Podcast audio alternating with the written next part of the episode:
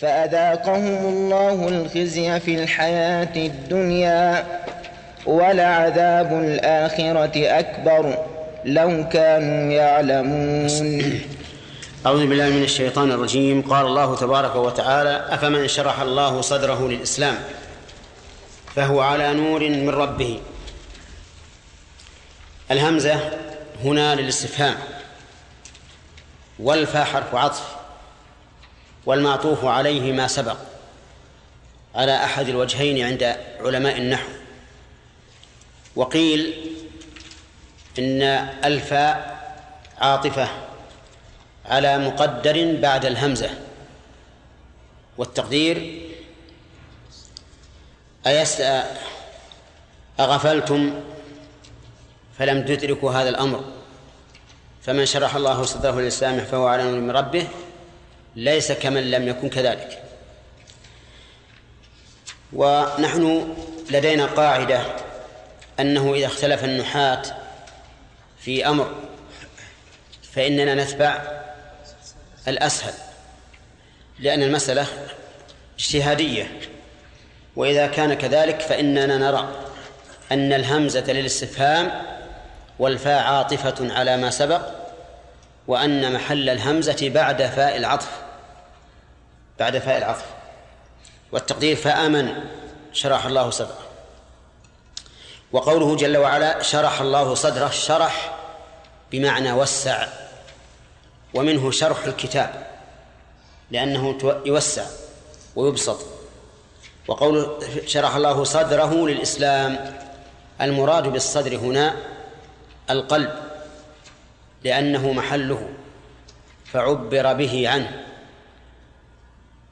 وقد يراد وقد يقال إن المراد بالصدر حقيقة الصدر بدليل أن الإنسان إذا اغتم يجد صدره وكأن عليه حصى الرحى من الضيق دون أن يشعر أن هذا يمس قلبه فيكون المراد بالشرح هنا شرح الصدر نفسه, نفسه والمؤدى واحد وقوله للإسلام أي لقبوله.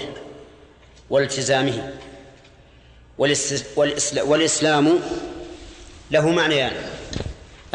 المعنى الأول عام والثاني خاص. فالعام يشمل كل من استسلم لله سبحانه وتعالى بطاعته حين كان الشرع قائما. كل من يشمل كل من استسلم لله بطاعته حين كان الشرع قائما.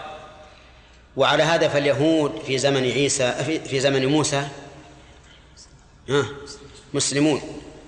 وفي زمن عيسى كافرون. والنصارى في زمن عيسى مسلمون. وفي زمن محمد صلى الله عليه وآله وسلم كافرون. يرحمك الله.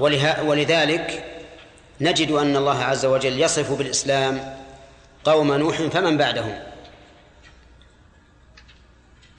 أما المعنى الخاص للإسلام فهو ما كان خاصا بشرع محمد صلى الله عليه وآله وسلم.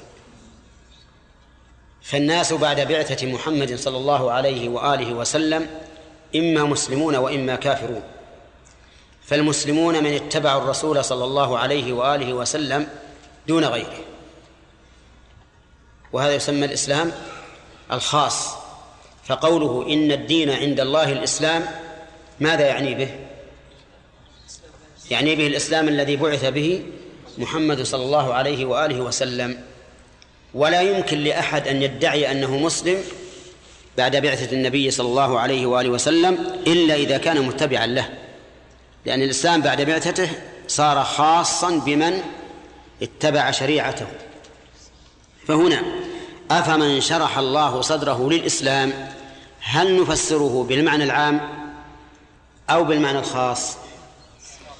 إذا فسرناه بالمعنى العام شمل حتى من شرح الله صدره للإسلام في عهد الأنبياء السابقين. ومن شرح الله صدره للإسلام في عهد الرسول صلى الله عليه وآله وسلم. فأيهما ترون؟ العام. العام لأن ممن سبق من شرح الله صدره للإسلام.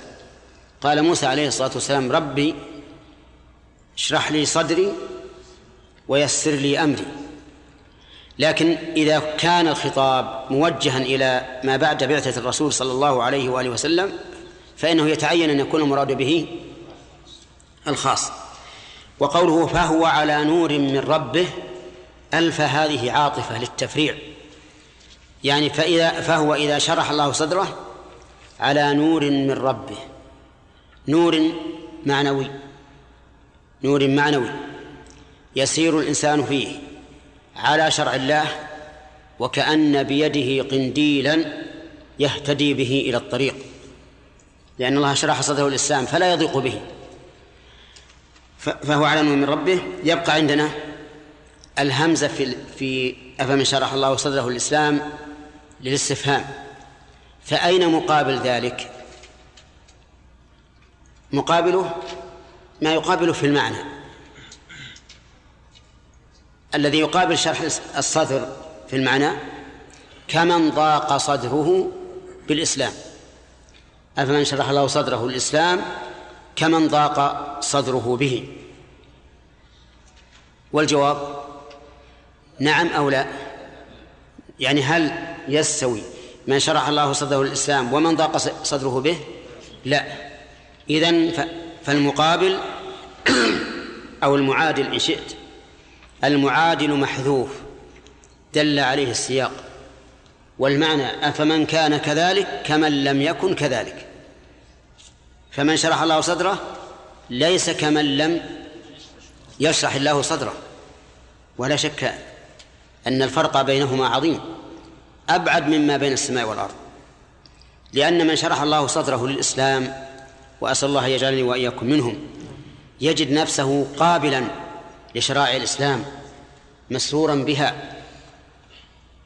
يفرح إذا أدى طاعة من طاعة الله ويحزن إذا فعل معصية من معصية الله حتى إن الذين بلغوا الغاية في هذا يغتمون لما حصل منهم من خلل وإن لم يكن عن قصد. يعني إذا فاتته عبادة يجد نفسه في غم وحزن وهو لا يشعر وهو لا يشعر بذلك. وأضرب لهذا مثلا بالنبي صلوات الله وسلامه عليه. لما سلم من ركعتين من صلاة الظهر ماذا صنع؟ انفتل من صلاته وكأنه مغموم. قام على غير عادته إلى خشبة في قبلي المسجد واتكأ عليها ووضع يديه هكذا كأنه مغضب كأنه مغضب. لماذا؟ لأن صلاته لم تتم فانقبضت نفسه من حيث لا يشعر. لكن هذا لكمال درجاته عليه الصلاة والسلام أن الله عز وجل يجعل في نفس الإنسان انقباضا وإن كان لا يشعر لأنه لم يتم العبادة المطلوبة منه. اتكى عليها وشبك بين أصابعه. كذا كجلسة المهموم. حتى ذكر. إذا من شرح الله صدره الإسلام يجد نفسه مرتاحا مسرورا للقيام بشرائع الإسلام وبالعكس إذا أخل بشيء منها أو انتهك معصية من معاصي من معاصي الله. طيب. وقوله فهو على نور من ربه فويل للقاسية قلوبهم من ذكر الله. قال المؤلف رحمه الله المفسر أفمن شرح الله صدره للإسلام فاهتدى. فهو على نور من ربه كمن طبع على قلبه دل على هذا قوله فويل إلى آخره. هكذا ذهب المؤلف رحمه الله في تفسيره أي أنه استدل على المحذوف بما ذكر بعد. ولو أردنا أن نستدل على المحذوف بما ذكر بعد على سبيل المطابقة لقلنا كمن قسى قلبه ولا نقول كمن طبع على قلبه. لأن الله قال فويل للقاسية وإذا كنت تريد أن تستنبط الجواب مما ذكر فاجعله مطابقا له. وحينئذ نقول كمن؟ قسى. لكن ما ذكرناه أولا هو الصواب. أن يذكر المعادل على خلاف المذكور. في كل المعنى أفمن شرح الله صدره للإسلام؟ كمن؟ ضيق الله صدره. للإسلام أو كمن لم يشرح الله صدره للإسلام. فويل للقاسية قلوبهم. قال المؤلف فويل آه، ولعلنا نشرح أو نفسر حسب ما عندنا ثم نعود إلى كلام المؤلف حتى لا يتقطع علينا. قال الله تعالى فويل للقاسية قلوبهم من ذكر الله. ويل مبتدأ وللقاسية خبره. فويل للقاسية. والويل على ما على ما هو الراجح كلمة وعيد. كلمة وعيد. وقيل إنها واد في جهنم. والأصح أنها كلمة وعيد وسوغ الابتداء بها وهي نكرة كونها وعيدا. كونها وعيدا. وربما يقال إنه سوغ الابتداء بها وهي نكرة كونها دالة على وصف شديد أي فويل عظيم أو شديد للقاسية قلوبهم من ذكر الله. وقوله للقاسية قلوبهم القسوة الشدة الشدة بحيث إذا لمست الشيء لم ينضغط بضغطك عليه. مثل؟ الحجر. وقد ضرب الله عز وجل قسوة القلب بالحجارة فقال ثم قست قلوبكم من بعد ذلك فهي كالحجارة أو أشد قسوة. وهنا يسأل السائل يقول لماذا لم يقل فهي كالحديد؟ لأن الحديد يكسر الحجارة والحجارة لا تكسر الحديد. والجواب عن ذلك أن نقول الحديد يلين. بماذا؟ بإحمائه على النار. والحجارة لا تلين. فلهذا شبهت قسوة قلوب بالحجارة. القاسي قلوبهم يعني مناها التي قست. فلم تلن للحق. نسأل الله العافية. وقوله من ذكر الله من قيل إنها بمعنى عن. بمعنى عن. للقاسية عنه. ولكن الأظهر أنها على بابها. وأن المعنى أن قلوبهم تقسو من الذكر. بدل أن كان المفروض أن تلين. ويدل لهذا المعنى قوله تعالى وإذا ما أنزلت السورة فمنهم من يقول أيكم زادته هذه إيمانا؟ فأما الذين آمنوا فزادتهم إيمانا وهم يستبشرون وأما الذين في قلوبهم مرض ها فزادتهم رجسا إلى رجسهم. أي زادتهم صلابة وقسوة. وعلى هذا فنقول القاسية قلوبهم من الذكر. أي كلما ذكر الله قست قلوبهم. عكس المؤمن فإنه كلما ذكر الله لأن قلبه. قال الله تعالى ألم يأن للذين آمنوا أن تخشع قلوبهم لذكر الله؟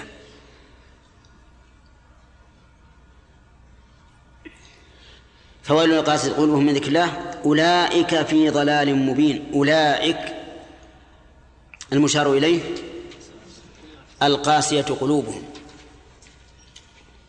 وأشار إليهم بإشارة البعيد لل للتنويه بسفو بسفولهم وانحطاط مرتبتهم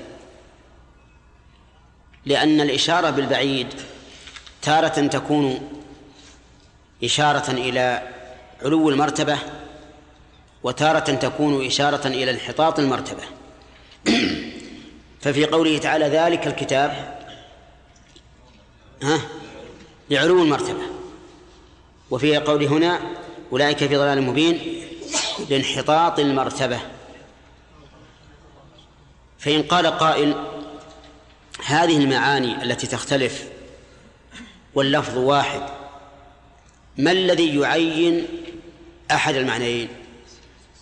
نقول يعينه السياق وحال وحال المتحدث عنه. لأن السياق والقرائن كل منهما يعين المراد. أولئك في ضلال مبين.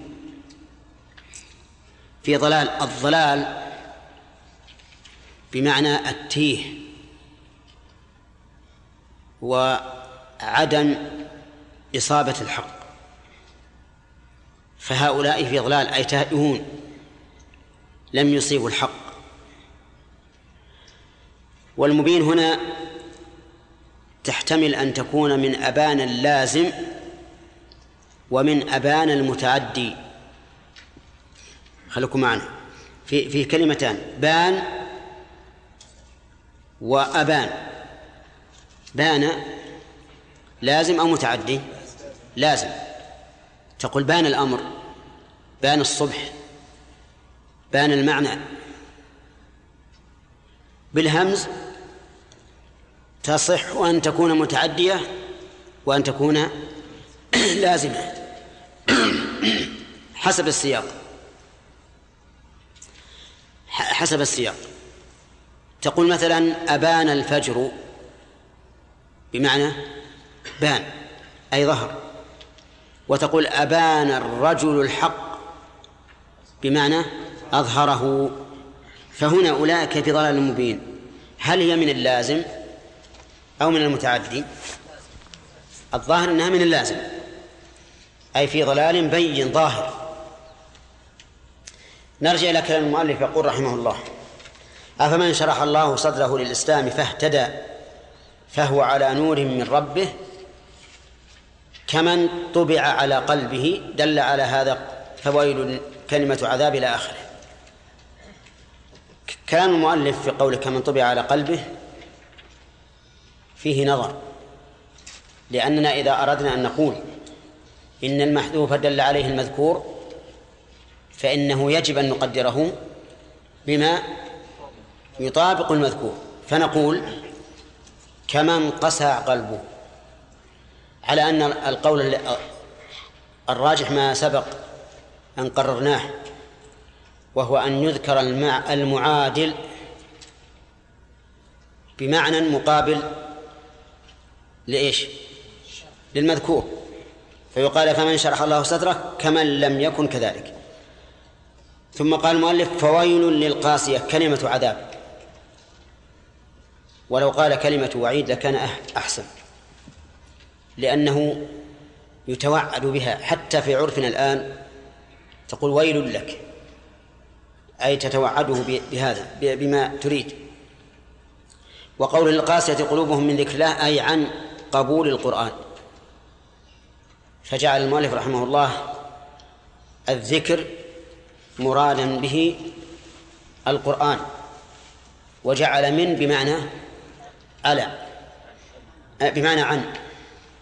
أما كون الذكر بمعنى القرآن فلا شك أن الذكر أن القرآن ذكر.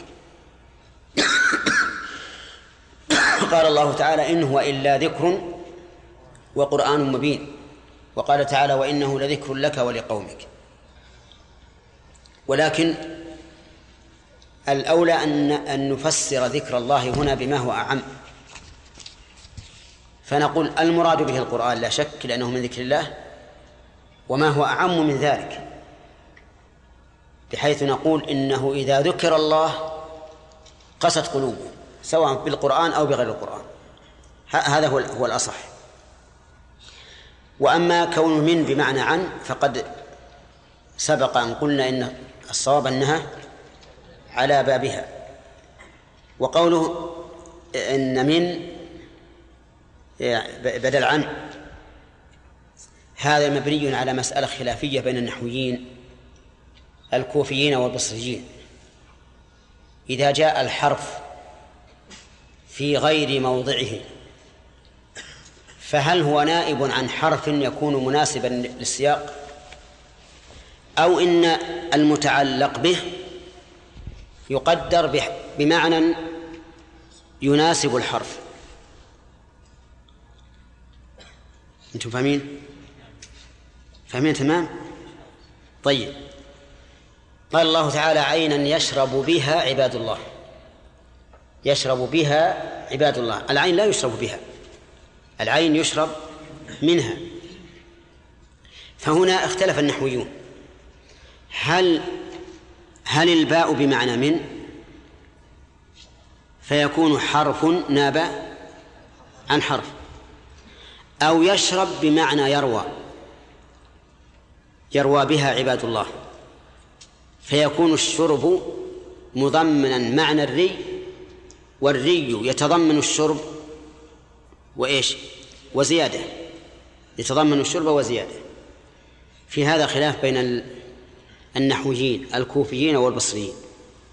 وشيخ الإسلام ابن تيمية رحمه الله يرجح الثاني القول الثاني أن الفعل مضمن معنى يتناسب مع إيش؟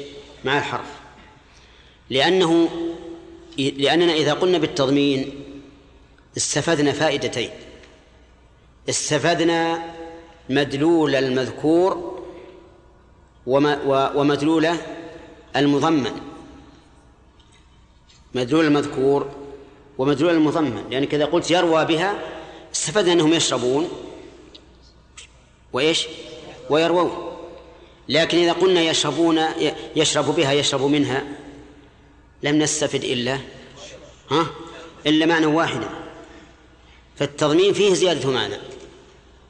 التضمين فيه زيادة معنى. لكن جعلوا حرف بدل حرف لا نستفيد به معنى زائدا. فصار القول الراجح في هذه المسألة ما ذهب إليه شيخ الإسلام ابن تيمية رحمه الله وهو إيش؟ أن الفعل يضمن معنى يناسب الحرف. طيب فويل للقاسية قلوبهم من ذكر الله. قال المؤلف أولئك في قال الله تعالى أولئك في ضلال مبين بين.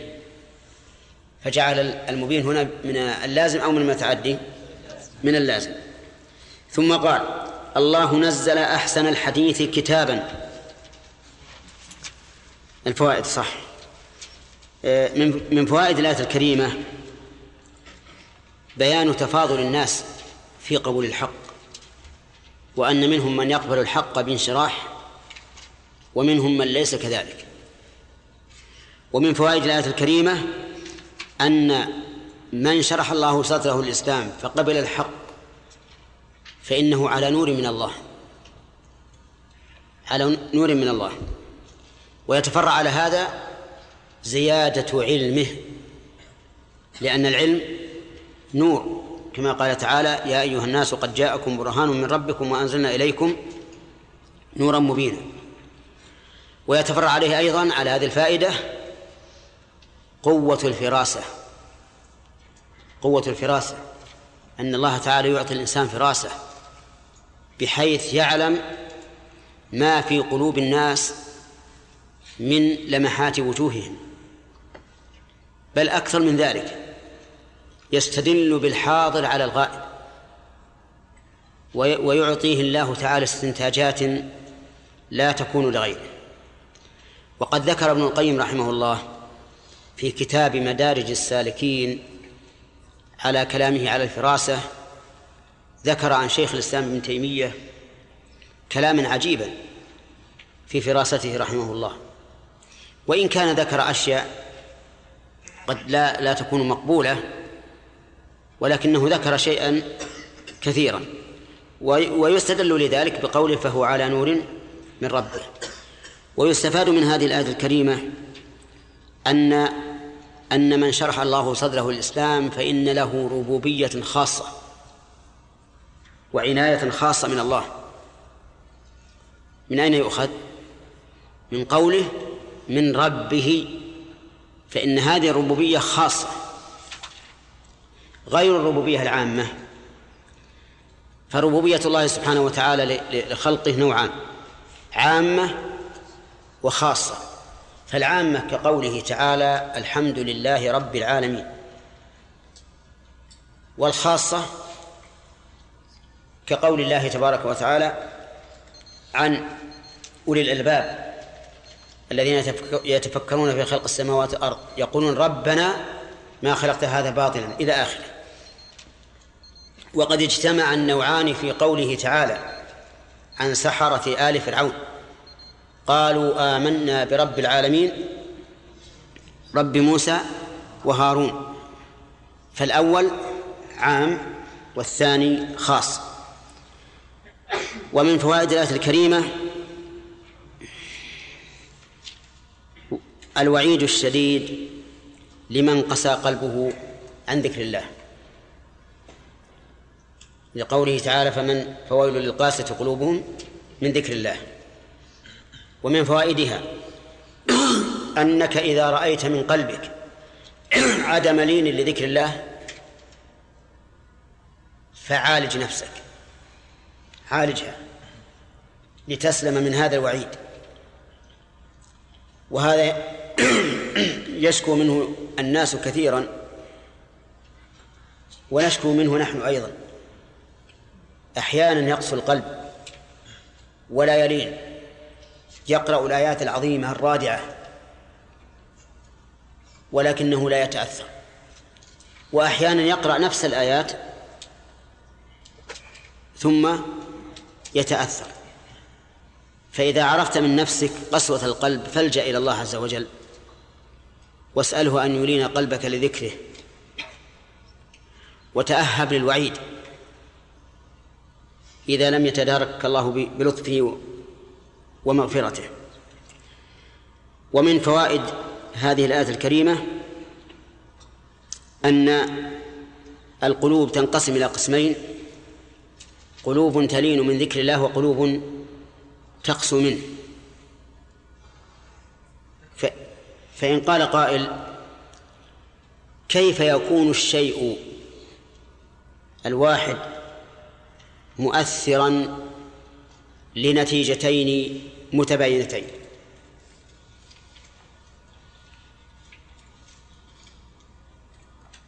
واضح السؤال؟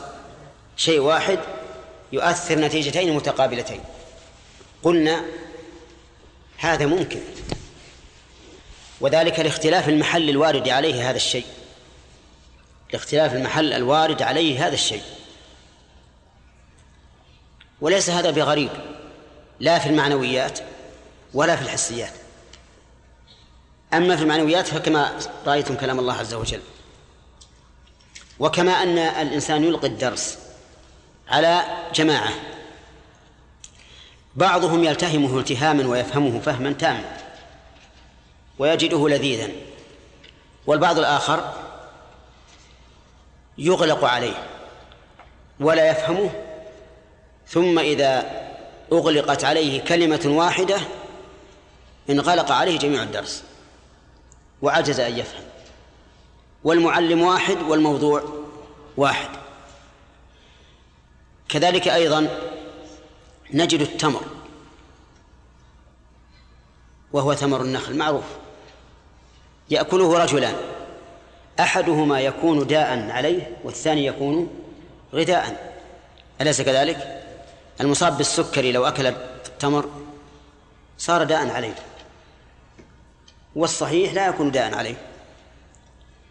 نجد الماء يجري على الأرض أرض تقبله وتشربه وتنبت وأرض لا تقبله. يصح عليها ولا ولا تنتفع به. فهذا فهذا ذكر الله عز وجل. يرد على القلب اللين فينتفع به وعلى القاسي فيزداد قسوة والعياذ بالله. ومن فوائد هذا الحديث هذه الآية أن القاسية قلوبهم من ذكر الله على عكس من شرح الله صدره للإسلام. من شرح الله صدره للإسلام فهو على نور. ومن قسى قلبه من ذكر الله فهو في ضلال. في ضلال مبين. ومن فوائد هذه الآية الكريمة أن هؤلاء الذين قست قلوبهم من ذكر الله قد انغمسوا انغماسا تاما في في الضلال. من أين يؤخذ؟ لأن في إيش؟ للظرفية. والظرف محيط بالمظروف. المظروف دون الظرف هو في جوفه. فكأن هؤلاء انغمروا في إيش؟ في الضلال وأحاط بهم إحاطة الظرف بمظروفه. أولئك في ضلال مبين. نسأل الله لنا ولكم الهداية والنور. سنرتب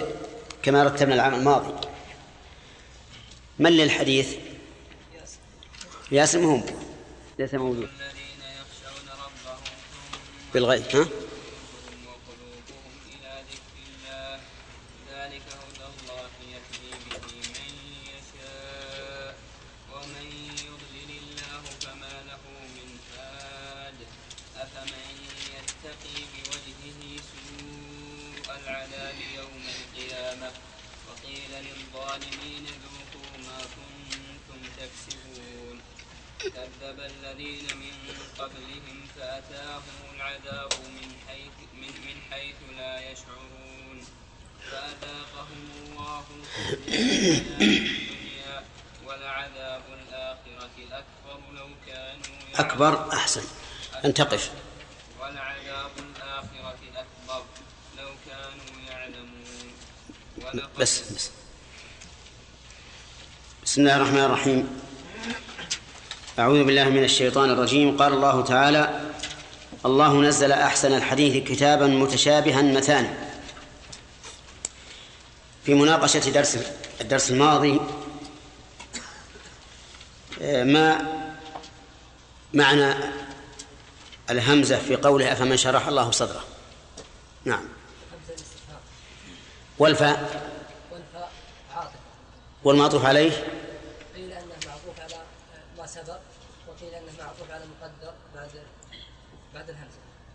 وعلى الأول؟ الأول على ما سبق. أي نعم.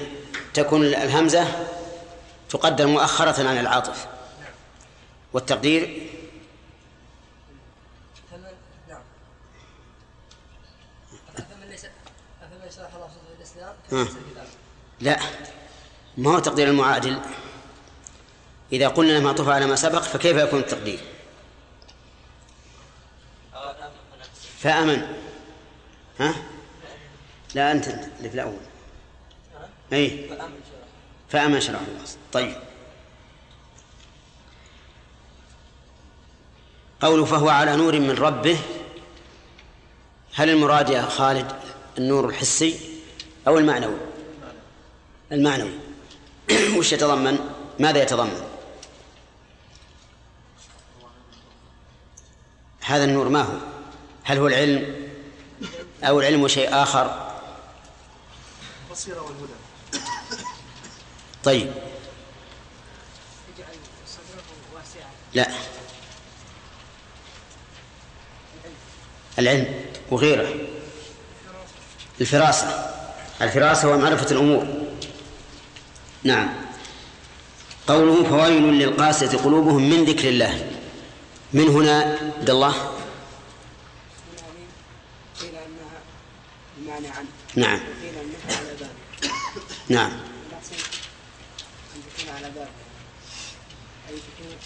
هذه القلوب قاسية من ذكر الله أي بسبب ذكر الله وهل يمكن أن يكون ذكر الله سببا للقسوة؟ نعم. قال الله عز وجل وإذا ما أنزلت سورة وإذا ما أنزلت سورة قال فمنهم من يقول من يقول أيكم أيكم. منهم من يقول أيكم زادته هذه إيمانا. نعم. الذين آمنوا فزادتهم إيمانا وهم يستبشرون. وأما الذين كفروا في في قلوبهم مرض. وأما الذين في قلوبهم مرض فزادتهم رجسا إلى رجسهم وما في نعم.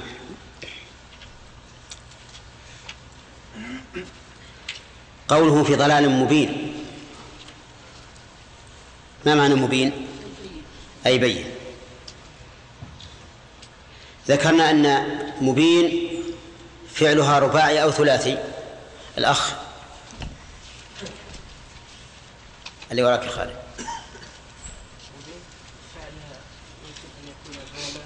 هل هو فعل فعلها ثلاثي أو رباعي؟ ثلاثي. يعني بان الثلاثي بان الب والألف والنون. ها؟ أو رباعي. ها؟ الآن مبين هل فعلها ثلاثي ولا رباعي؟ كلمة مبين التي معنا هل فعلها ثلاثي أو رباعي؟ ما عندك علم بالنحو. ها؟ نعم؟ شو يقول؟ ثلاثي. خطأ. نعم. ها؟ لا مبين مبين. من الثلاثي. خطأ. خطأ. من الثلاثي من الثلاثي والرباعي خطأ. من الرباعي ولكن جت لازمة. نعم صح. من الرباعي ولكن جاءت لازمة. مبين مفعل. لا يمكن تكون من الثلاثي. مكرم من ثلاثي ولا رباعي؟ رباعي. هذه نف- نفس الشيء. لأن مبين أصلها مبين. طيب. إذا مبين من الرباعي. لكن الرباعي يأتي لازما ويأتي متعديا. بخلاف الثلاثي فإنه لا يأتي إلا إلا لازما. أعرفتم؟ سبحان الله أنا يعني كنت ظننت ظننت أن هذا مفهوم تمام. مبين من أبان الرباعي. لكن من أبان اللازم أو المتعدي؟ ها؟ اللازم لأن أبان تأتي لازما وتأتي متعدية تقول أبان الحق بمعنى أظهره فهي متعدية. وتقول أبان الصبح بمعنى ظهر الصبح. طيب. ثم قال الله تعالى الله نزل أحسن الحديث كتابا متشابها مثاني هذا بدء درس اليوم. الله نزل جملة خبرية. اسمية. اسمية الصدر فعلية العجز. نزل أحسن الحديث كتابا. نزل من المضاعف ويأتي التعبير أحيانا بأنزل من الرباعي المزيد بالهمزة. واختلف العلماء هل هما بمعنى واحد يعني أنزل ونزل معناهما واحد أو يختلف المعنى. والصحيح أن معناهما واحد إلا مع وجود قرينة. فمع وجود القرينة تكون يكون التنزيل لما ينزل شيئا فشيئا. والإنزال لما ينزل جملة واحدة. لكن هذا لا يكون إلا مع القرينة. أما مع عدم القرينة فنزل وأنزل بمعنى واحد. ولهذا يقول الله عز وجل وأنزلنا من السماء ماء طهورا ويقول ونزلنا من السماء ماء مباركا. وهما بمعنى بمعنى واحد. وكذلك في القرآن. أحيانا يقول الله أنزلنا وأحيانا يقول نزلنا. وهما بمعنى واحد لكن مع وجود قرينة يكون التنزيل شيئا فشيئا. كما في قوله تعالى وقرآنا فرقناه لتقرأه على الناس على مكث. وبعدها نزلناه تنزيلا. هنا نزلنا تختلف عن أنزلنا فهي بمعنى التنزيل شيئا فشيئا بدليل قوله وقرآنا فرقناه. طيب يقول نزل أحسن الحديث كتابا. أحسن الحديث. أحسن اسم تفضيل من الحسن. والحسن يتضمن حسن الأسلوب وحسن الموضوع ويشمل قوله أحسن هذا وهذا. يعني أحسن في أسلوبه وأحسن في موضوعه. أما الأسلوب فأن يكون مطابقا للبلاغة في غايتها. إيجاز في موضع الإيجاز إطناب في موضع الإطناب تأكيد في مو... توكيد في موضع التوكيد تخلية من التوكيد في موضع يقتضي ذلك وهلم جر كذلك أحسن في الموضوع. موضوعه أخبار وأحكام. فالأخبار أحسنها أصدقها وأنفعها في العبرة والأحكام أحسنها أعدلها وأقومها بمصالح العباد. والقرآن الكريم متضمن للحسن للأحسنين. الأسلوب بعد؟ والموضوع. أحسن الحديث كتابا متشابها. كتابا بدل من أحسن. أو عطف بيان إذا جعلنا كتابا متشابها شيئا واحدا. أما إذا جعلنا كتابا مستقلا عن متشابها فإنه يكون بدلا ولا يكون عطف بيان. كتابا أي مكتوبا. لأن فعال تأتي بمعنى مفعول كثيرا. ومنه الغراس والبناء والكساء والفراش والوطاء وأمثلة هذا كثيرة في اللغة العربية أن يأتي فعال بمعنى إيش؟ مفعول فإن غراسا بمعنى مغروس وبناء بمعنى مبني كتابا بمعنى مكتوب وفي أي شيء هو مكتوب؟ مكتوب في ثلاثة أشياء في اللوح المحفوظ وفي الصحف التي بأيدي الملائكة وفي الصحف التي بأيدينا. فالقرآن الكريم مكتوب بهذا وهذا وهذا بهذا وهذا وهذا. وقوله كتابا متشابها يعني يشبه بعضه بعضا. في أي شيء؟ في الكمال والجودة وحسن الموضوع. لا تجده متناقضا أبدا ولا تجده مختلفا أبدا لكن بحسب المقام. تارة يكون المقام يقتضي الاختصار وتارة يكون المقام يقتضي البسط. فإذا نظرنا إلى سورة قل هو الله أحد والسورة التي قبلها. وجدنا بينهما تشابها في الحسن حيث إن كل سورة كانت مناسبة للحديث أو للمتحدث عنه. قل هو الله أحد تتحدث عن عن عن الرب عز وجل وأسمائه وصفاته فجاءت بالأسلوب المناسب وتبت يد أبي لهب تتحدث عن رجل كافر فصارت بالأسلوب المناسب. لا يقول قائل أين التشابه بين قل هو الله أحد وبين تبت يد أبي لهب؟ نقول التشابه معناه أن كل كلام جاء على الوجه المناسب لموضوعه. على وجه هذا وجه التشابه. واضح يا جماعة؟ طيب. إذا متشابه في إيش؟ في الكمال والجودة وحسن الموضوع. ومن الكمال والجودة أن يكون الكلام مناسبا لموضوعه. بسط في موضع البسط وإجمال في موضع الإجمال وتفصيل في موضع التفصيل وبسط وبسط وتطويل في موضع البسط والتطويل حسب ما تقتضيه البلاغة. و وقال عز وجل متشابها مثاني مثانية مأخوذ من التثنية يعني القرآن مثاني. يعني من من اثنين اثنين. والمثاني أنه يقرن المعنى وما يقابله. فتأمل الآيات الكريمة تجد أنه إذا ذكرت النار ذكرت بعدها الجنة وإذا ذكر أهل النار ذكر بعدهم أهل الجنة وهكذا. وذلك من أجل أن لا يمل السامع من موضوع واحد ومن أجل أن يتنقل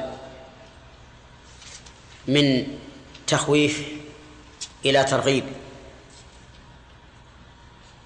فينشط لفعل الواجبات ويحذر من فعل المحرمات. وهذا من أساليب البلاغة التامة أو الكاملة.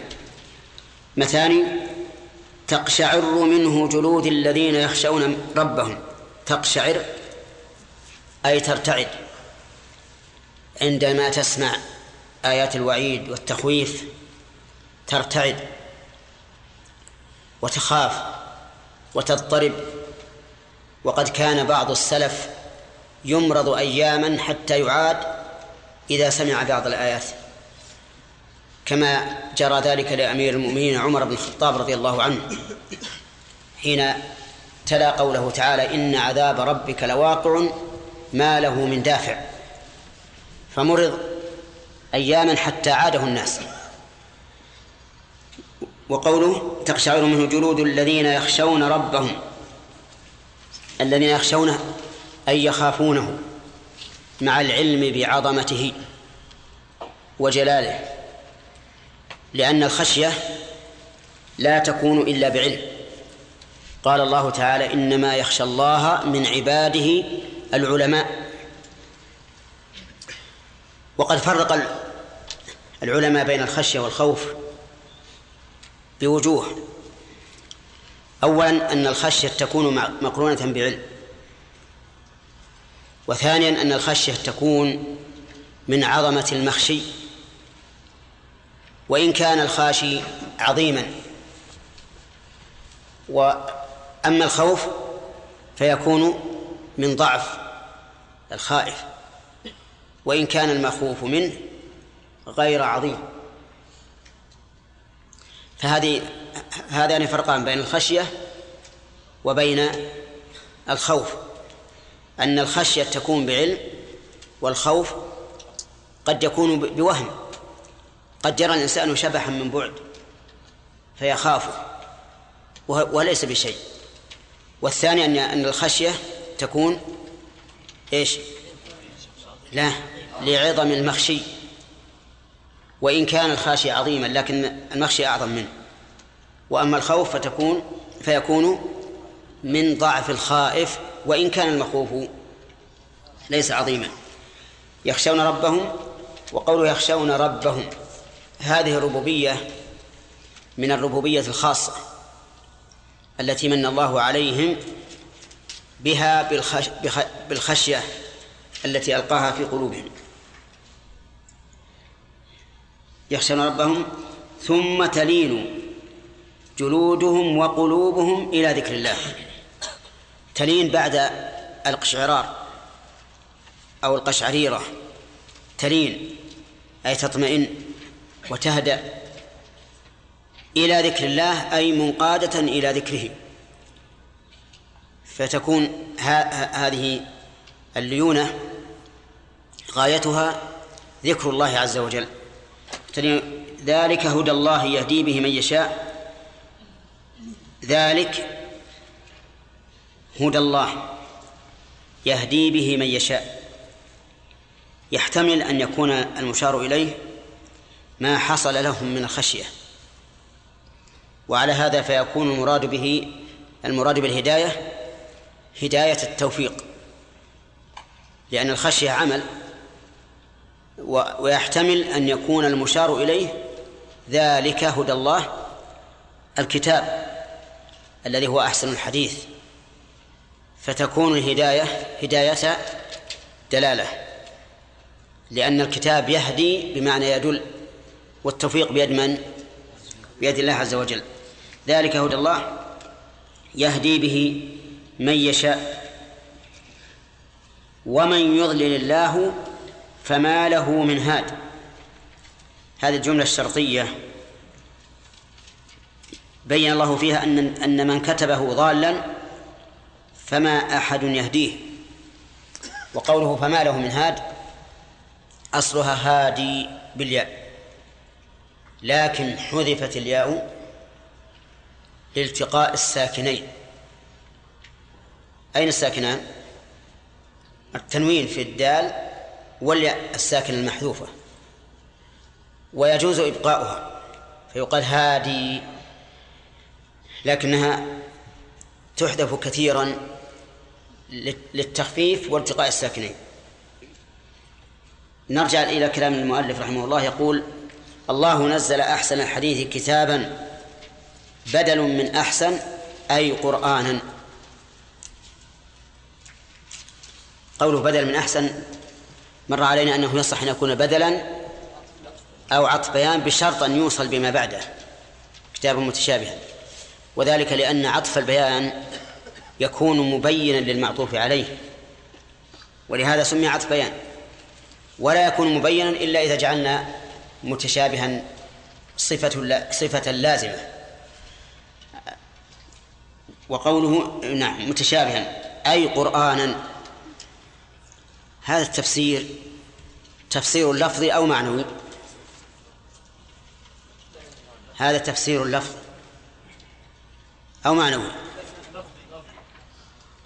طيب إذا كان إذا أردنا أن نفسر تفسيرا لفظيا أتينا باللفظ نفسه. أو معنويا أتينا بالمعنى. فهنا هل أتى بتفسير اللفظ نفسه؟ فقال كتابا أي مكتوبا. أو أتى بالمعنى؟ بالمعنى. فالمراد بالكتاب هنا القرآن. فالمؤلف رحمه الله فسرها تفسيرا معنويا أي فسرها بالمراد منها. متشابها. قال أي يشبه بعضه بعضا في النظم وغيره. يشبه بعضه بعضا في النظم. لا لا يراد بالنظم هنا ما يقابل النثر فإن القرآن ليس شعرا لكن في النظم أي نظم الكلام وتنظيمه حتى يكون مشبها بعضه لبعض. يقول مثانية ثني فيه بالوعد والوعيد وغيرهما. يعني يؤتى بالوعد ثم يعقبه الوعيد. يؤتى بذكر النار ثم يعقبه ذكر الجنة. يؤتى بصفات المؤمنين ثم يؤتى بصفات غيرهم. انظر إلى قوله تعالى الله ولي الذين آمنوا. من ضدهم؟ الذين كفروا. والذين كفروا أولياؤهم الطاغوت. وانظر إلى قوله فمنهم شقي وسعيد. وانظر إلى قوله يوم تبيض وجوه وتسود وجوه. وانظر إلى قوله في سورة الكهف. لما ذكر ما للمؤمنين من الثواب في الجنة ذكر ما للكفار من العقاب في النار. والأمثال في هذا كثيرة جدا. تقشعر منه جلود الذين كفروا. قال المؤلف تقشعر ترتعد. عند ذكر وعيده. جلود الذين يخشون ربهم يخافون ربهم. قول تقشعر منه جلود أي عند ذكر الوعيد أو ذكر النار أو ما يوجب الخوف والفزع. كذكر ما حل بقوم نوح وقوم لوط وغيرهم. ثم يقول يخشون يخافون. وهذا التفسير ضعيف لأنه فسر المعنى بما دونه. إذ قلنا إن الخشية هي الخوف مع العلم واستدللنا بذلك واستدللنا لذلك بقوله تعالى إنما يخشى الله من عباده العلماء. فلو أن المؤلف قال يخشون ربهم خوفا مبنيا على العلم بعظمته لكان التفسير صوابا. لكن الآن نعتبر التفسير قاصرا. ثم تلين تطمئن. ولكن لا شك أن تفسير أن ذكر اللين أبلغ من ذكر الطمأنينة. لأن القشعريرة تقتضي آه، آه، نشوز الجلد وارتفاعه. وتصلبه. والذي يقابل ذلك اللين والهدوء والطمأنينة. فتفسير المؤلف أيضا اللين بالطمأنينة تفسير باللازم في الواقع. وإلا فإن اللين غير الطمأنينة. لأن الجلد إذا اقشعر يتصلب. ولهذا تجد أطراف الإنسان تبرد. لانحسار الدم عنها بعض الشيء. فإذا هدأ الروع فإنه يلين ويزول ذلك التصلب. ثم تلين جلودهم وقلوبهم إلى ذكر الله. لين القلب ضد قسوته. يعني عندما يسمعون الوعيد تقشعر الجلود وتنفر القلوب. ثم بعد ذلك تلين الجلود والقلوب إلى ذكر الله. قال المؤلف أي عند ذكر وعده. ولكن الصواب أنها إلى ذكر الله مطلقا. حتى الوعيد إذا تأمل الإنسان. وهدأت نفسه بعد أن ورد عليه ما يخوفه فإنه يلين حتى للوعيد. فقول فتخصيص المؤلف ذلك بذكر الوعد في النفس منه شيء. ومع ذلك فله وجه. إذا كان إذا كان القرآن مثاني ثم جاء ذكر النار وجاء بعده ذكر الجنة لانت القلوب. أو ذكر أهل النار وجاء بعده ذكر أهل الجنة لانت القلوب أيضا. وقوله إلى ذكر الله لم يقل لذكر الله بل قال إلى إلى ذكر الله. وكأن هذا اللين صار له غاية وهو ذكر الله عز وجل. وقوله إلى ذكر الله هل هو من باب إضافة المصدر إلى الفاعل؟ يعني إلى ما ذكرهم الله به؟ أو من باب إضافة المصدر إلى المفعول به؟ أي إلى ذكرهم الله. الجواب هذا وهذا. الكلمة صالحة لهذا وهذا. أي إلى ذكرهم لله أو إلى ما ذكرهم الله به وهو القرآن الذي جعله الله مثاني. ذلك هدى الله ذلك أي الكتاب هدى الله يهدي به من يشاء. أفادنا المؤلف رحمه الله أن الإشارة في قول ذلك تعود إلى الكتاب. وعلى هذا فيكون المراد بالهداية هنا هداية الدلالة. فإن القرآن هدى بمعنى أنه دال على كل شيء كل خير. بل على كل شيء. لقوله تعالى ونزلنا عليك الكتاب تبيانا لكل شيء. وقول يهدي به هنا الهداية هداية الدلالة والتوفيق لأنها أضيفت إلى الله عز وجل. والله سبحانه وتعالى بيده الهدايتان. والباء في قوله يهدي به آه لم يبين المؤلف معناها ولكن معناها السببية. أي بسببه من يشاء ومن يضلل الله فما له من هاد. في هذه الآية فوائد. أولا إثبات أن القرآن نزل من عند الله. لقوله الله نزل أحسن الحديث ثانيا إثبات علو الله.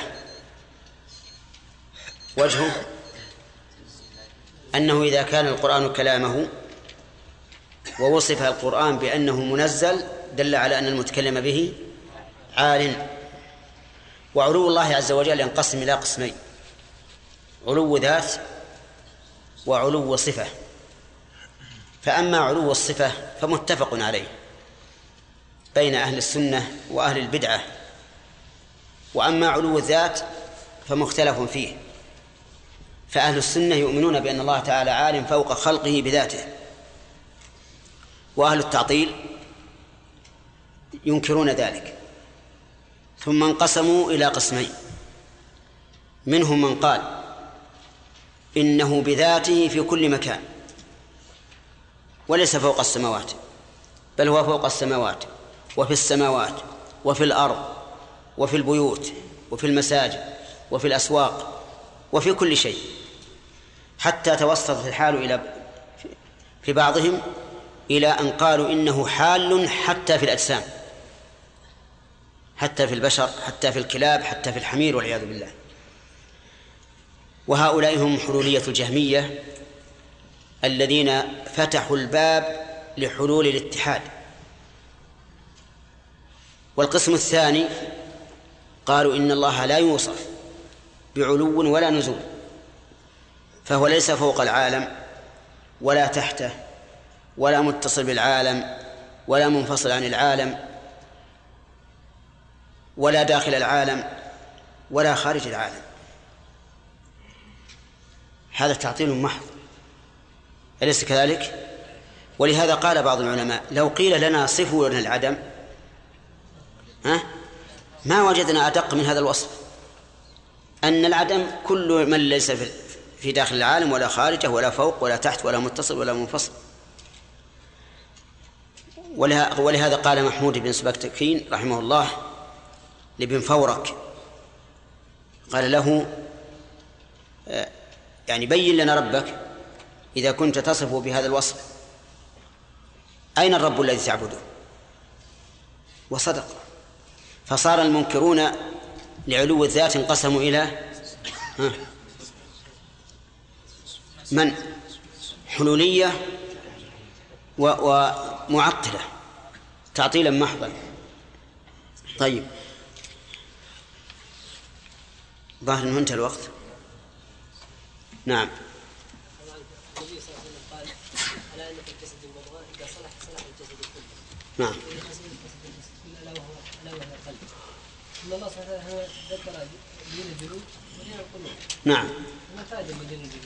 ما ما في مانع أن أقول صلح قلبي وعملي؟ أقول لا لا مانع من أن أقول صلح قلبي وعملي. هذا هذا لا مانع. وأيضا لأن الله وصف الجلود نفسها قال تقشعر منه الجلود. واقشرار الجلود مبني على على مبني على خوف القلب. فذكر الله أن هذه القش- القشعريرة تزول وأنها تتحول إلى لين وكذلك القلب الذي هو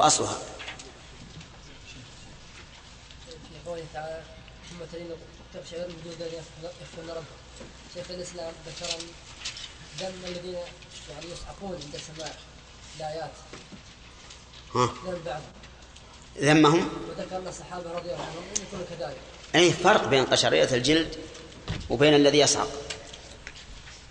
الذي يصعق يغشى عليه. خشيه المطلوبة. لا الخشية المطلوبة اللي يكون عند الإنسان علم بالله وعظمته وخوف منه. أما أن يعجز عن تحمل ما ورد على قلبه حتى يصعق ويموت أو يفعل فعل مجانين. في أيضا ناس على على على خلاف ذلك. ما تقشعر جلوده لكن تقول يقول الله الله الله الله يقدر يخبط. هذا صحيح ولا لا؟ أقول هل هذا العمل جيد؟ أبدا. هذا خلاف ما كان عليه السلام هذا خلاف ما كان عليه السلام ولذلك عند الصوفية تسبيحة يسمونها الغبيرة. يسمونها الغبيرة. يأتون بأسواق معهم ثم يجلسون حلقا ثم يتكلم الذي يذكر, الله. فإذا زعق لا إله إلا الله وسبحان الله خبطوا بال بالأصوات على الأرض. والجيد منهم الذي يثير غبارا أكثر. لأنه يكون عنده انفعال بقوة وشدة. فيسمون هذه الغبيرة. أظن بعضهم يقول لبعض هل غبرت اليوم؟ نعم. شيخ نعم. يحتمل يعني يثنى به ذكر الوعيد ذكر التوحيد ذكر قصص الأنبياء. لا لا عام عام. نعم لين القلوب الشيخ هل في مجاز عن القائلين بالله أبدا ما في مجال؟ ها؟ لا معنوي طيب نعم؟ لا ما أخذ. لأن لأن لين القلب اللي هو لين الملمس ما هو بوارد هنا. القلب الظاهر إنه ما ما يكون كالجلد. يقف ويتصلب. الظاهر. فإن كان يقف ويتصلب فيسأل عن هذا أهل علماء التشريح. إذا قالوا إنه عند الخوف يتصلب. صار اللين حسيا. نعم سليم. أفمن يتقي بوجهه سوء العذاب يوم القيامة؟ وقيل للظالمين ذوقوا ما كنتم تكسبون. وش؟ كذب الذين من قبلهم فأتاهم العذاب من حيث لا يشعرون. فأذاقهم الله الخزي في الحياة الدنيا ولعذاب الآخرة أكبر لو كانوا يعلمون. ولقد ضربنا للناس في هذا القرآن من كل مثل لعلهم يتذكرون. بس. أعوذ بالله من الشيطان الرجيم. قال الله تبارك وتعالى الله نزل أحسن الحديث كتابا متشابها مثاني. ما معنى قوله متشابها؟ صالح؟ في. في إيش؟ نعم. نعم. في الكمال والجودة. كله كامل وكله جيد وكله بليغ. ما معنى مثاني الأخ. وش اسمك؟ علمنا باسمك. يلا يا محمد. ها؟ تثنى فيه الأمور والأشياء. إذا ذكرت الجنة ذكرت النار والوعد والوعيد والمؤمن والكافر. طيب. ما معنى قوله تقشعر منه جلود الذين كفروا؟ آمنوا.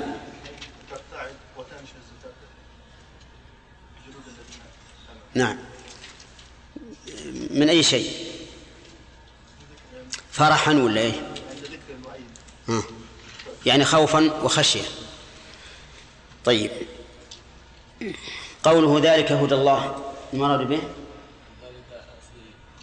نعم. إذا نعم. إما يكون ل ل- ل-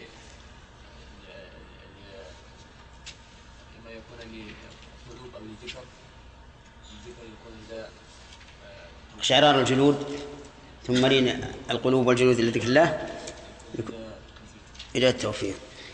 طيب. قوله من يضلل الله فما له من هاد. ما معناها؟ يعني من يكون من كان ضالا في علم الله فإنه لا يستطيع أحد أن يهديه. طيب. آه، نأخذ فوائد هذه الآية لأننا لم نأخذها.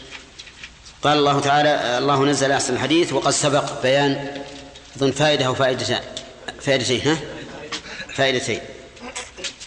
أن أن القرآن منزل من عند الله وإثبات العلوم ومن المعلوم أنه يتفرع على الفائدة الأولى أن القرآن كلام الله. أن القرآن كلام الله إذا كان نازلا من عنده.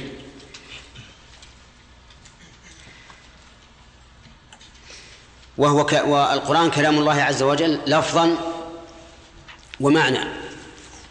تكلم به لفظا و... ومعنى هو عنده عز وجل خلافا للأشاعرة الذين يقول الذين يقولون إن الكلام هو المعنى القائم بالنفس وليس صوتا يسمع ولا حروفا ترى ولكنه المعنى القائم بنفسه. وما ذكر في القرآن وما كتب في المصاحف أو سمع بالآذان فإنه عبارة عن كلام الله وليس هو كلام الله. عبارة عن كلام الله وليس كلام الله. وحقيقة الأمر أن أن قولهم هذا يتضمن إنكار كلام الله عز وجل. لأنهم يقولون هذا القرآن الذي نسمع الآن هو مخلوق.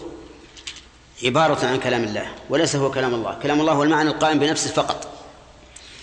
ومن فوائد هذا هذه الآية الكريمة أن هذا القرآن أحسن الحديث. لقوله تعالى أحسن الحديث. وهكذا حديث الله عز وجل هو أحسن الحديث. قال الله تعالى ومن أحسن من الله حديثا.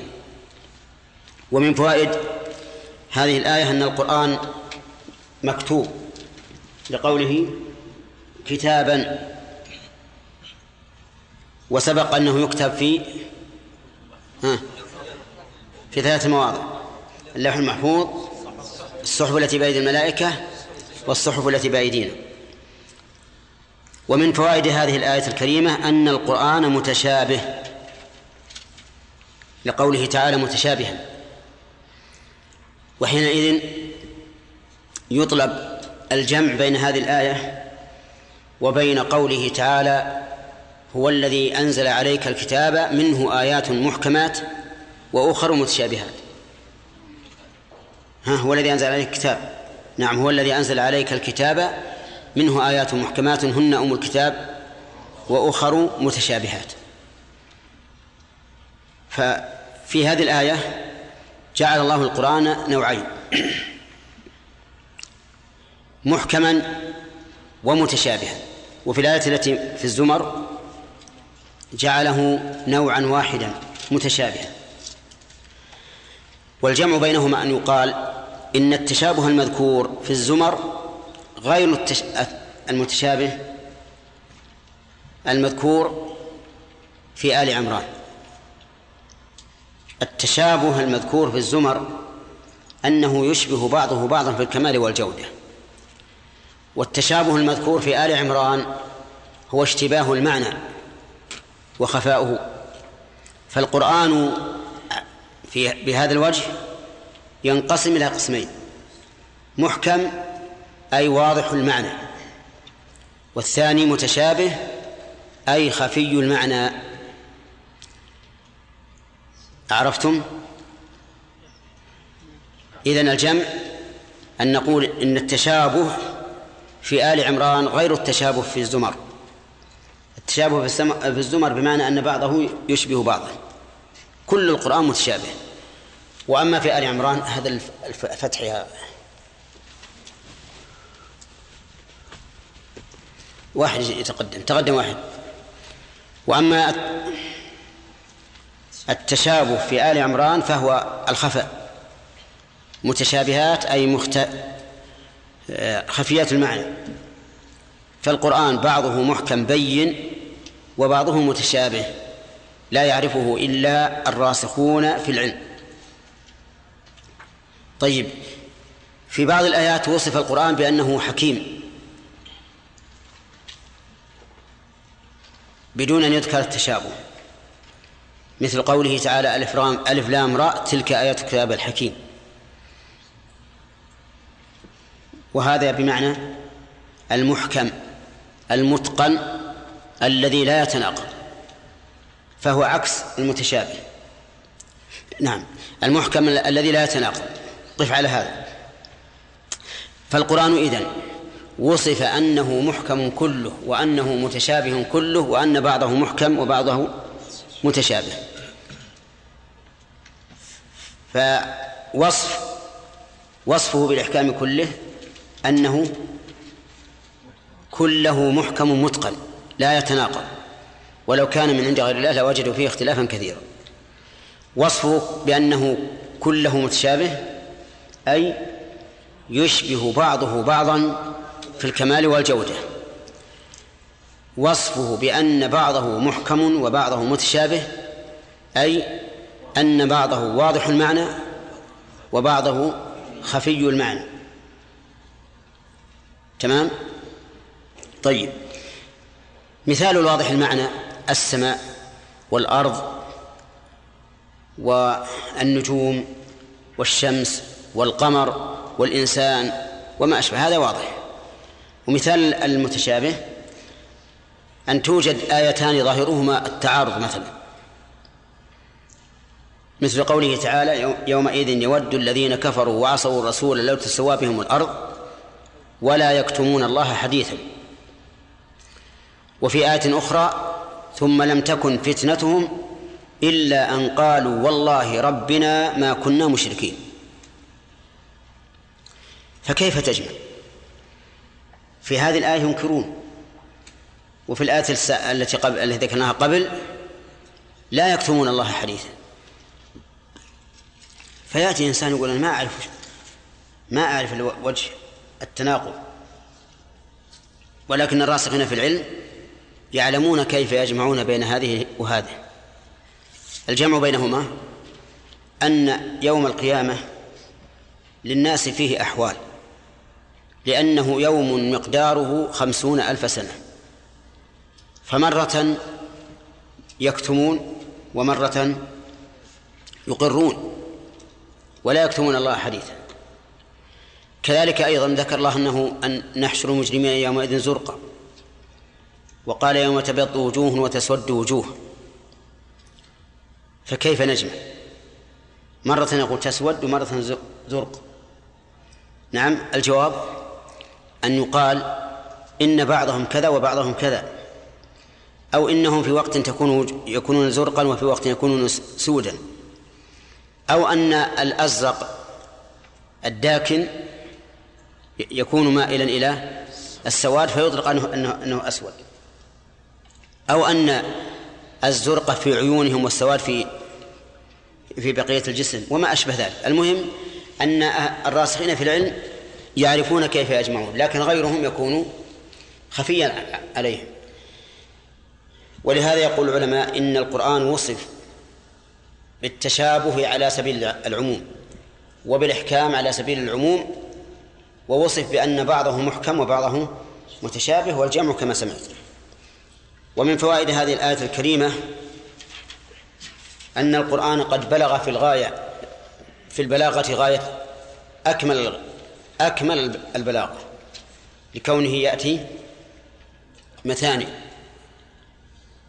ويتفرع على هذه الفائدة أنه ينبغي لمن تكلم في موعظة الناس أن لا يأتي بالترغيب المطلق ولا بالترهيب المطلق. وذلك لأنه إذا أتى بالترغيب المطلق حملهم على الرجاء فتهاونوا. وإذا أتى بالترهيب المطلق حملهم على اليأس فقنطوا من رحمة الله. فالذي ينبغي للإنسان الذي يتكلم مع الناس في المواعظ الذي ينبغي له أن يكون يتكلم أحيانا بهذا وأحيانا بهذا. حتى لا يحمل الناس على القنوط أو على الرجاء الذي يوجب الأمن من مكر الله. ومن فوائد هذا هذه الآية الكريمة أن المؤمن يتأثر بالقرآن. يقشعر منه جلده. ويخاف. ثم بعد ذلك يرجع إليه ترجع إليه الطمأنينة ولين القلب. ويتفرع على هذه الفائدة أنك إذا رأيت نفسك على غير هذه الحال فاعلم أن إيمانك ضعيف. لأن هذا الخبر خبر من؟ خبر الله عز وجل. فلا يمكن أن يتخلف مخبره. فكل مؤمن تقشعر من يقشعر جلده مما يسمع من القرآن الكريم في الوعيد.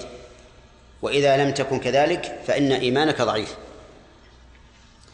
ومن فوائد هذه الآية الكريمة أن ذكر الله عز وجل سبب للين القلوب وطمأنينتها رحمك الله. لقوله تلين جلودهم وقلوبهم إلى ذكر الله. ويشهد لهذا قوله تعالى الذين آمنوا وتطمئن قلوبهم بذكر الله. ألا بذكر الله تطمئن القلوب. ومن فوائد الآية الكريمة امتنان الله عز وجل على هؤلاء بالهداية. لقوله ذلك هدى الله يهدي به من يشاء ومن فوائدها إثبات الأسباب. لقوله ها يهدي به الباء للسببية كما مر علينا في التفسير. وإثبات الأسباب هو الموافق للمنقول والمعقول. أما المنقول فما أكثر الآيات التي فيها إثبات الأسباب. ألم تر أن الله أنزل من السماء ماء فتصبح الأرض مخضرة؟ أنزل من السماء ماء فسألت أودية بقدرها. ونزلنا من السماء ماء مباركا فأنبتنا به جنات وحب الحصيد. والآيات في هذا كثيرة. والمعقول كذلك يدل عليه عبد الله يدل على إثبات الأسباب وأن لها تأثيرا في مسبباتها. فكلنا يعرف أن ضرب الزجاج بالحجر يكسره وأن الحجر انكسر بضرب الزجاج. أن وأن. وأن الزجاج انكسر بضرب الحجر. خلافا لمن أنكر الأسباب وقال إنه لا أثر للأسباب في مسبباتها فإن قوله خلاف الشرع وخلاف العقل حتى إنه قيل لهم أليست الورق تحترق بالنار؟ فقالوا لا تحترق عند النار لا بالنار. وقيل لهم أليس الزجاج ينكسر بالحجر يرمى به؟ فقالوا لا ينكسر عند الحجر لا بالحجر.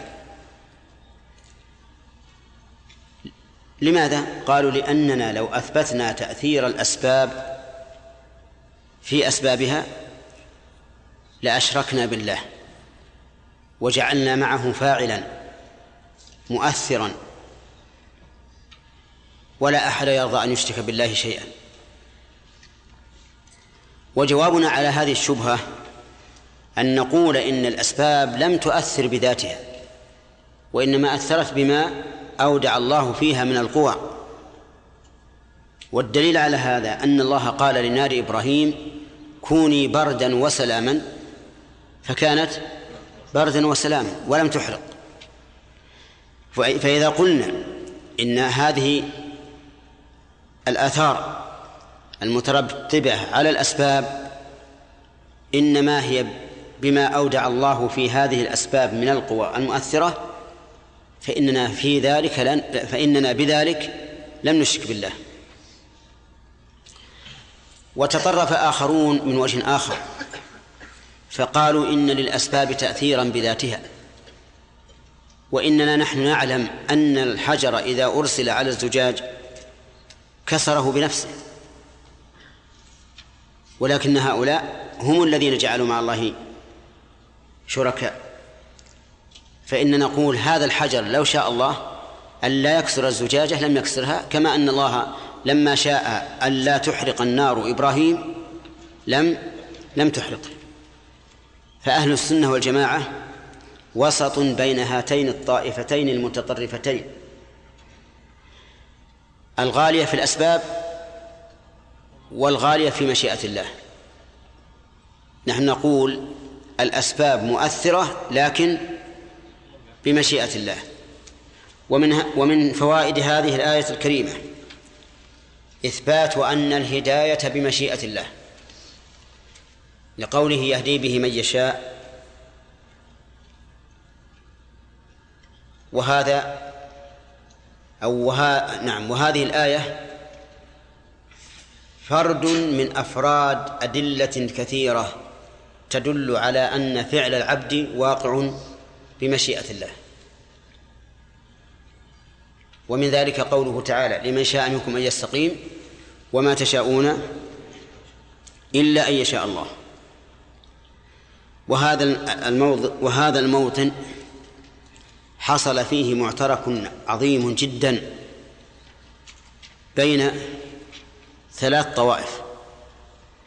طائفتان متطرفتان وطائفة معتدلة. الطائفة المتطر... الطائفتان المتطرفتان إحداهما قالت إن الإنسان يشاء عمله ولا علاقة لله به. فالإنسان حر يتصرف كما يشاء وليس لله فيه تدخل إطلاقا. هو يهدي نفسه وهو يضل نفسه. قالوا ولولا ذلك لكان تعذيب الله للعاصي ظلما وثوابه للطائع عبثا. لأن لأن لأنك إذا قلت إن الإنسان ليس بحر فهو مدبر. والمدبر لا يحمد على فضل ولا يذم على سوء.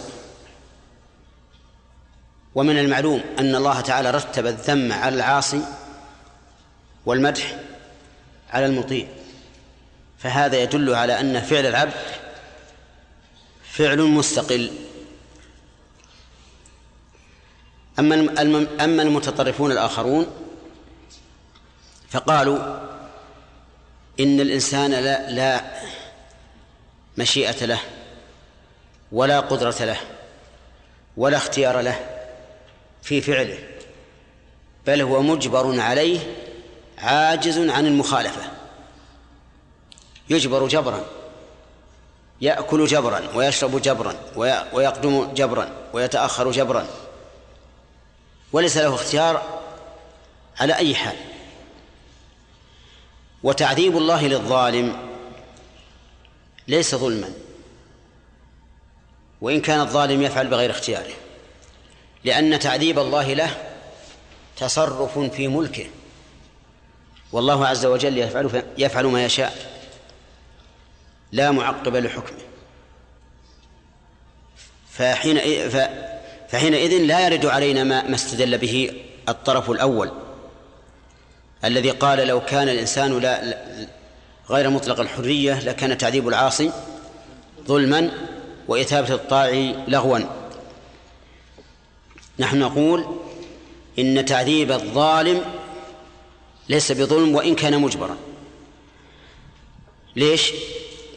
لأنه لأن الله مالكه يفعل فيه ما يشاء. كما أنت تفعل في ملكك ما تشاء. تهدم البيت تبني البيت آه، تبيع السيارة تشتري بدلها وما أشبه ذلك. الطرف هذا هم الجبرية يسمون الجبرية والطرف الأول يسمونه القدرية. فسمي الطرف الأول القدرية لأنهم ينكرون قدر الله عز وجل فيما يتعلق بفعل العبد. وسمي هؤلاء جبرية لأنهم يرون أن العبد مجبر على عمله. يتساوى عند هؤلاء من نزل من السلم بتؤدة وطمأنينة درجة درجة ومن دفع من أعلى السلم حتى انزخ على وجهه. يقولون الكل سواء كل مجبر. أما أهل السنة والجماعة فإنهم توسطوا في هذا. وقالوا إننا نثبت الأدلة الدالة على أن كل شيء واقع بمشيئة الله ونثبت الأدلة الدالة على أن للإنسان اختيارا وإرادة. وبذلك نجمع بين الأدلة. فنقول فعل العبد واقع بمشيئته لكن مشيئته تحت مشيئة الله. فإذا شئت أنا شيئا فإنني أعلم أن الله شاءه. إذا شئت شيئا علمت بأن الله شاءه. ولا يمكن أن أعلم بأن الله شاء شيئا إلا بعد أن بعد أن يقع. لأن قضاء الله مكتوم سر مكتوم لا نعلم عنه. لكن إذا وقع علمنا أن الله شاء فأنا لا أشاء إلا ما شاء الله. ولكني في نفس الوقت لي حرية أن أشاء ما شئت إلا أن إلا إلا أنني أؤمن بأن مشيئتي هذه كانت إيش؟ كانت بمشيئة الله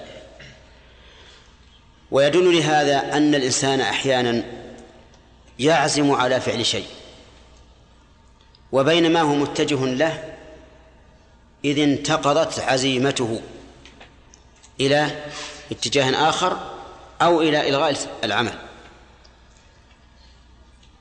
ألستم تدركون هذا؟ إذن هناك هناك سلطة فوق سلطتي. لكن هذه السلطة غير معلومة. لا تعلم إلا بآثارها. وقد قيل لأعرابي بما عرفت ربك؟ بما عرفت ربك. قال بنقض العزائم وصرف الهمم. أعرابي أعرابي بدوي. أجاب بهذا الجواب العجيب. عرفت ربي بنقض العزائم يعني أعزم على الشيء ثم تنتقض عزيمتي بدون سبب. وصرف الهمم أهم بشيء